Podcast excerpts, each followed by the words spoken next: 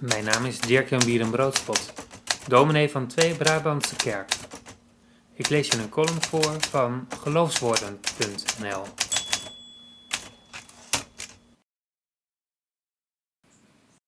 De keuze.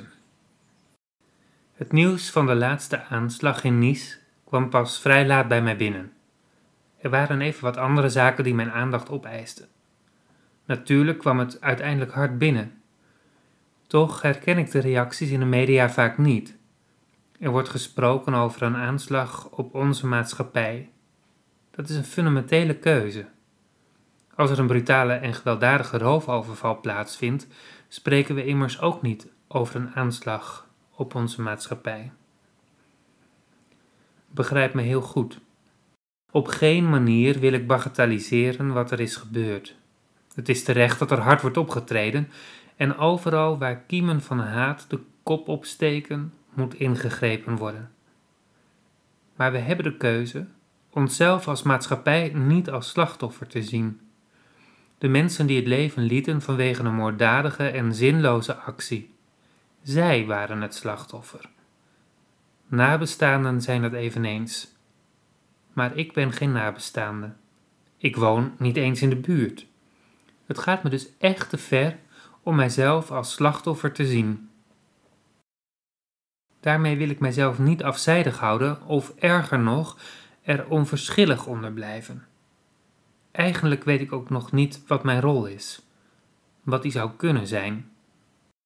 Wel weet ik dat we er met oorlogsretoriek niet gaan komen.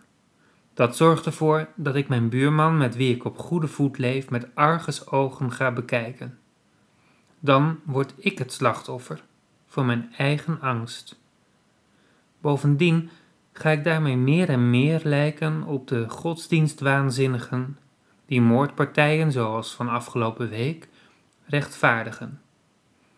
Zij weigeren mensen met een andere opvatting en overtuiging immers nog te zien als gelijkwaardige mensen. Telkens hoor ik stemmen opgaan dat moslims zich moeten distancieren van deze radicale islam. Dat vind ik alleen zo ontzettend fout. Het verklaart iemand eigenlijk tot medeplichtige. Niets wijst erop, maar dan ook werkelijk helemaal niets, dat mijn buurman sympathiseert met een totaal ontspoorde terrorist. Wat nu, als ik het eens omdraai? Hoe komt het dat we mensen met wie we al zo lang in vrede samenleven zijn gaan wantrouwen. Dat we die ter verantwoording roepen voor daden waar ze volstrekt niets mee te maken hebben. Op dit moment wordt er in alle toonaarden gebeden om gerechtigheid. Eigenlijk weet ik niet waar dan precies om gebeden wordt. Wel weet ik dat er geen gerechtigheid zal komen zolang we onszelf zien als slachtoffer. Daarmee wordt de daad van deze terrorist veel groter dan die daadwerkelijk is. Staan we hem toe een rol te vervullen die hij niet verdient? Hij wordt een vertegenwoordiger van de islam en ontneemt die rol van mijn buurman. Tenzij ik ervoor kies die rol aan mijn buurman te verlenen. Wat er voor nodig is en wat wij kunnen doen om dit nooit meer te laten gebeuren? Het antwoord ben ik nog niet uit. Wel heb ik mijn denkrichting bepaald: dat ik geen slachtoffer ben en het ook niet wil zijn.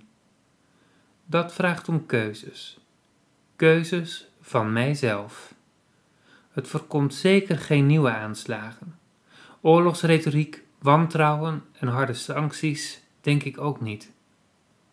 Mijn leven wordt mooier door te leven in vertrouwen en hoop te laten winnen dat is echt heel naïef. Eigenlijk net zo naïef als geloven in een liefdevolle God en uitzien naar een wereld vol van barmhartigheid. Toch kies ik ervoor naar die maatstaf te leven. Ik vrees de andere realiteit namelijk te veel. Die wereld ken ik immers al. We leven er middenin. Je luisterde naar een column die ik schreef voor geloofswoorden.nl. Vond je het de moeite waard? Deel het gerust met anderen. Graag tot een volgende keer.